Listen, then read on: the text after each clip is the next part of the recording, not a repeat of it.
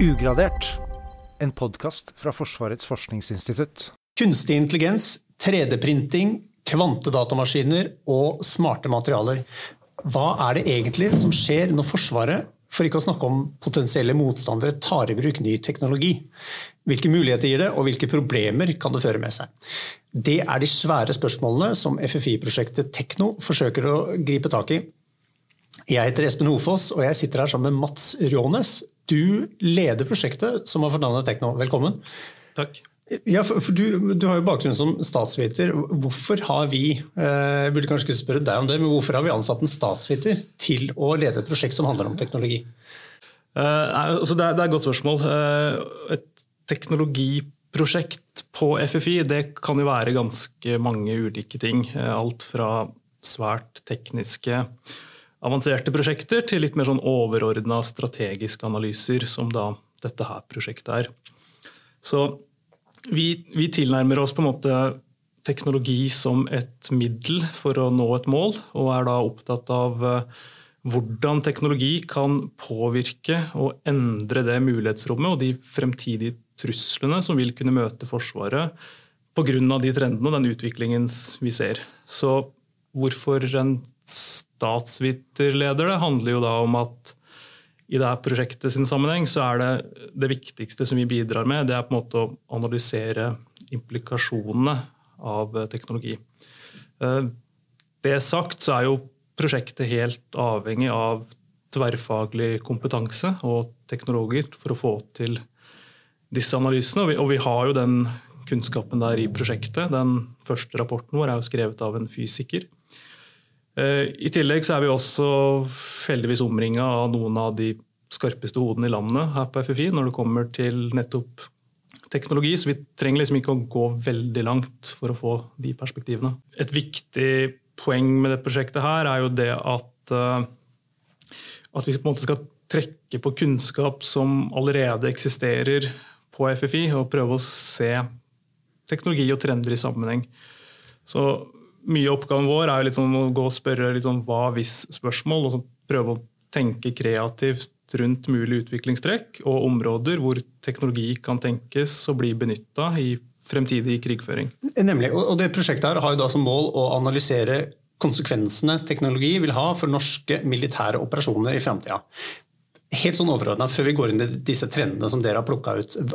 Hvorfor er det nødvendig med et sånt prosjekt? Altså det, er, mange grunner til det. Eh, den forenkla versjonen av svaret er jo at teknologi har potensial til å endre utfallet av krise og krig.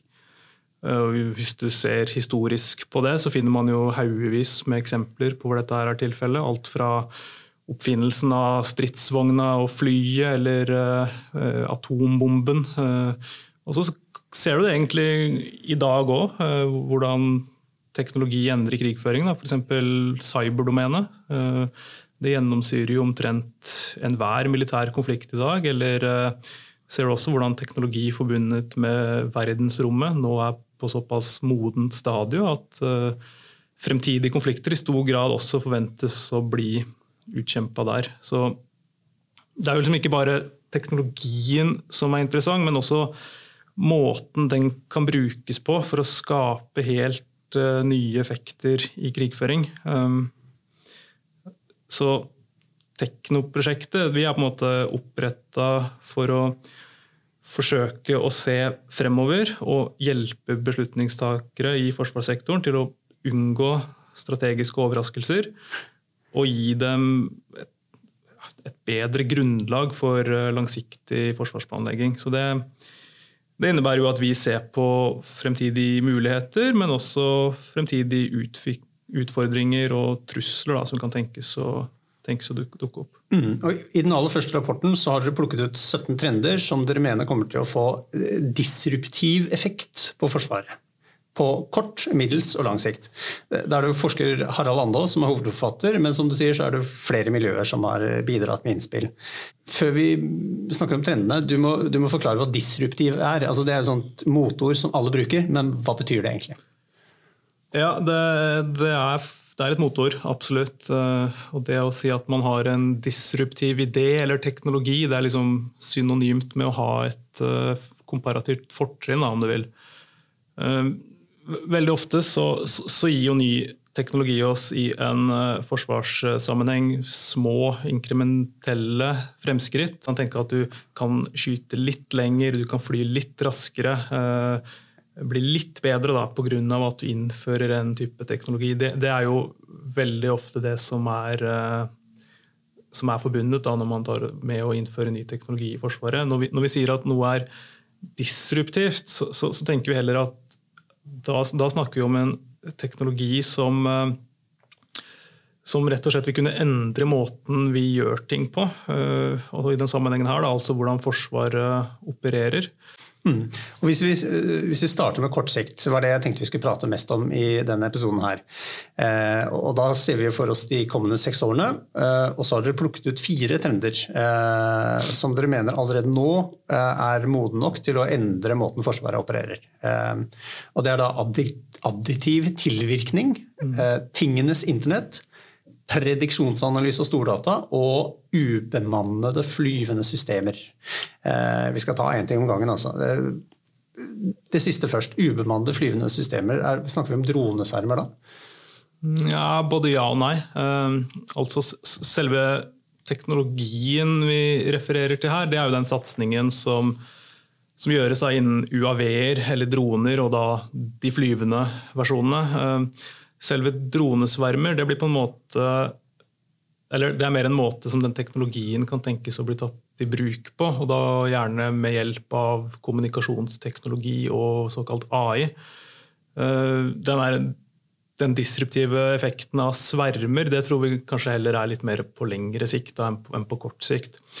Eh, fordi altså, UAV-er, som, som, vi kaller det, det, det, er jo egentlig en ganske moden teknologi som har blitt brukt i krigføringsdomener i ganske mange år allerede.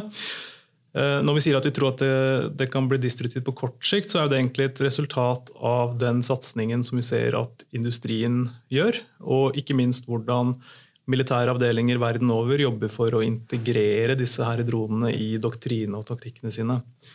Eh, og litt, altså mye av den utviklingen som skjer, da, som blir, som blir, viktig nå fremover, det er eh, for det første at disse, disse systemene får eh, utvidet flyvetid og payload, altså evne til å koble på ting og bære med seg utstyr. Alt fra sensorer og våpensystemer. Eh, og Det er noe som vi tror kommer til å utvide militære avdelinger sine muligheter til f.eks. overvåking, rekognosering, som kan rett og slett hjelpe styrker på bakken å ha bedre oversikt.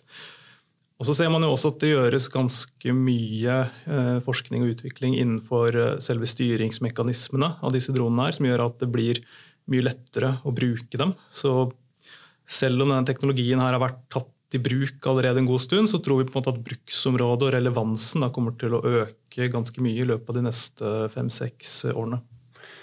Ja, nemlig, fordi Vi har jo sett eh, videoer eller hørt historier om eh, altså amerikanske soldater som sitter i, en, eh, sitter i en bunker hjemme i USA og styrer droner som flyr over ja, klarer ikke å finne på noe land i, farta. Men altså, er, er, dette noe som altså, Hvordan skal for, det norske forsvaret forholde seg til det? Det er jo ikke noe som vi har tatt i bruk i noe særlig grad. Så vidt jeg vet, i hvert fall. Ja, um, altså for, for, det første, for, for Norge, da, så tenker jeg at det handler om å ta inn over seg at her skjer utvikling veldig raskt. Uh, og bruksområdet her utvides uh, veldig. Så selv om på en måte vi kanskje ikke har den tradisjonen for å bruke de systemene der nå, så, så kan man tenke seg at man kommer til et tidspunkt hvor det å overse disse systemene, det, det blir umulig. Ehm, man, man, vil kunne bli utsatt for uh, etterretningsvirksomhet og angrep fra nye områder, altså lavt i luftrommet. Så, så det å kunne finne effektive motmidler mot sånne type systemer, det er jo også noe som vil, vil bli viktig fremover. Uh, uh, for det andre så tror jeg også det er liksom, det er liksom du sier, da. Uh, vi, har, vi, har, liksom ikke brukt dette før, så jeg, jeg tror vi, liksom må, vi, må, ha en bevisst mening. Da. Hva, hva, er det vi ønsker å få ut av den teknologien her? hvem skal bruke den, hvordan skal den benyttes ved siden av resten av strukturen vår. Ja, så det, det er jo noen type problemstillinger da, som, som, er aktuelle å begynne å tenke på. Veldig bra. Over til noe litt mindre konkret. Prediksjonsanalyse og stordata. Eh, det er også, det er også såkalte buzzord eh, om dagen. Kan du nevne et eksempel på hvordan Forsvaret kan bruke eh, prediksjonsanalyse og stordata? Ja, altså et, et, godt eksempel her er jo egentlig det som NRK gjorde nå nylig. Nemlig at de brukte åpne kilder fra flere ulike datasett som de satte sammen og så greide de å påvise aktivitet og bevegelse til enkeltpersoner rundt norske militære anlegg og baser.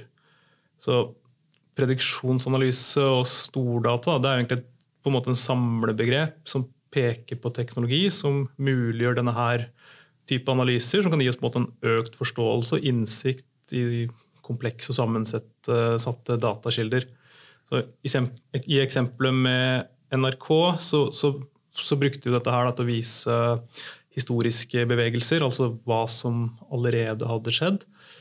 Men det som er ganske interessant med den teknologien her, og den utviklingen man ser, det er jo evnen til å benytte den dataen her sammen med såkalt uh, maskinlæring og ulike statistikkmodeller da, for å rett og slett prøve å predikere forventet og sannsynlig handlingsmønstre fremover.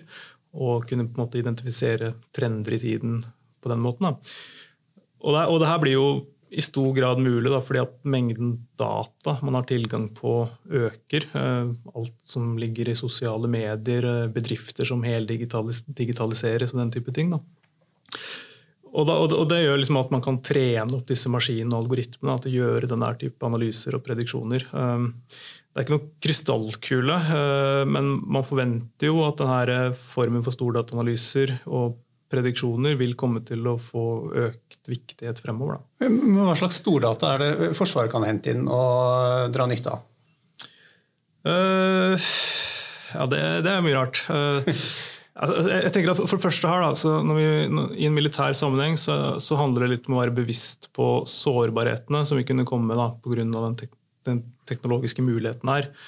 Eh, den teknologien her vil jo kunne føre til at eh, potensiell motstander vil kunne ha mye bedre innsikt i hvordan vi opererer og er satt sammen på, enn det vi kanskje selv tror. Uh, så det liksom å kjenne sin egen data om du vil, da, og den elektroniske signaturen, for å si det litt flåsete, det, det, det, tror jeg blir viktig. Da. Uh, når det kommer til hvordan vi eller Forsvaret selv kan dra nytte av det, så, så, så er på en måte svaret litt likt. Liksom, du må øke bevisstheten din da, på hva slags muligheter som ligger i teknologien. Da, eh, for å få rett og slett økt forståelse for komplekse situasjoner og utfall. Så her er det også fristende å nevne AI, da, som, eh, som vil kunne bli veldig viktig i en sånn her type dataanalyse. Um, så, så det, det her handler ikke nødvendigvis først og fremst om offensive kapasiteter. Det handler like mye om å være klar over hva du kan bli utsatt for. Ja, litt som begge deler. Da. Det, altså, det, er, jo, det er, jo, teknologi da, som kan se ting i en mye større sammenheng enn det vi har greid å gjøre før. Da. Rett og slett finne den nåla i høystokken litt lettere. Eh, og hvis du tenker på krise og krig, da, så er jo det ofte uoversiktlig og kaotisk. Og da evnen til å bruke det her da, for å hjelpe deg der, det, det vil jo bli veldig viktig. Mm, tror, vi, tror, vi, i hvert fall. Tingenes internett det er også et begrep som kanskje er diffust for mange. Hvis jeg har forstått det riktig, så handler det om at vi nå har en masse dingser rundt oss, som, og alle har datakraft, eh, eller regnekraft om du vil, og de er kobla til internett. Men jeg har litt vanskelig for å se for meg hva slags dingser det er, og hva slags beregninger de skal gjøre i Forsvaret. Kan ikke du hjelpe meg litt med å forstå det? Jeg kan prøve. Um, I dag, da, når vi, som sier, når vi snakker om tingenes internett nå, så, så snakker vi liksom om kjøleskap, dører og TV-er. Og det, det, er liksom ikke akkurat det som er mest relevant for Forsvaret, kanskje. Men det er liksom, ja, i tillegg til at vi har dette Internet of Things, da, så ser du også fremvekst av det man kaller for Internet of Military Things. Enda et buzzword. Ja. Altså, det, handler jo i stor grad som sier, om at flere ting og ulike former for infrastruktur om du vil, kobles sammen i nettverk. Og med hjelp av distribuerte datastrukturer eller skyløsninger kan rett og slett styres på større avstander. For så kan du se for deg at et flytårn eller en militær leir på et tidspunkt kan kobles i et nettverk, og så kan mye av eh, aktiviteten der koordineres og styres fra en fjellhall langt borte. Det kan være veldig greit da, hvis uh, trusselen fra langtflyvende missiler mot akkurat den der type mål øker, så har du på en måte skapt en avstand uh, til deg. da. Uh, videre så, så, kan du også se for deg at du kan bruke dette til å styre våpenplattformer. Uh, uh, eller du kan koble på sensordata her, som du kan for dele med allierte styrker som er på et helt annet sted. Så liksom hele den der beslutningsloopen da, kan på en måte gå litt raskere, da, fordi at du har muligheten til å rett og slett koble på dingsebomser her. Da. og så er det jo en sånn kjensgjerning her, da, og litt sånn samme gate som det jeg snakket om litt i sted, at når du kobler mer og mer sånn infrastruktur og kanskje kritisk infrastruktur sammen, så, så øker jo det på en måte den der eh, mulige sårbar, sårbarhetsflaten. Da. Så robust cyber- og IKT-sikkerhet er jo også ganske kritisk her, da, hvis du liksom skal forsøke å utnytte mulighetene som, som ligger i denne eh, teknologien. Så må du sørge for at ingen kan bryte seg om å tukle med det, eller eh, avlytte hva du driver med. Det er også en fordel. Ikke sant. 3D-printing eh, det er jo det neste buzzordet. Eh, og det, sier seg kanskje, kanskje selv eh, hva man kan bruke, bruke det til. Men, men, skal Forsvaret begynne å printe våpen i felt, eller hvordan tenker vi at det altså, Kanskje ikke hele våpen, men f.eks. reservedeler eller tilpassede våpendeler og den type ting. Det, det er faktisk noe som FFI har demonstrert at kan gjøres i felt allerede. Eh, og det er jo masse eksempler på at man kan bruke 3D-printing til å printe droner eller andre ting som Forsvaret trenger.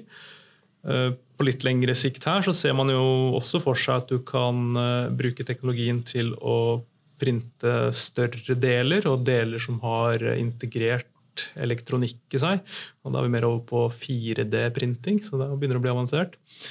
Uh, dette er jo teknologi som f.eks. kan redusere styrkers avhengighet uh, til logistikketterforsyning. F.eks. at en fregatt kan produsere de delene de trenger selv når de er ute og seiler, og at de slipper å dra tilbake til land. Eh, så den teknologien her den, altså den, er allerede viktig, men vi tror at den bare kommer til å bli mer og mer relevant da, i, i, årene fremover. Vet du hva, Mats? Eh, det her var veldig spennende. Eh, nå tror jeg faktisk at vi har fått en passende dose teknoprat i denne omgangen. her. Vi må fordøye det litt. Tusen takk for at du kom. I neste episode er du tilbake, og da skal vi se enda lenger inn i framtida. Eh, og se hva slags eh, disruptiv dingsebonanza vi kan eh, vente oss sånn ti, ti, år fram i tid. Men, og det blir spennende. Hvis du som er lytter har lyst til å høre mer om vår forskning, så bør du gå inn på ffi.no og abonnere på nyhetsbrevet vårt, eller følge podkasten vår på SoundCloud. Takk for nå.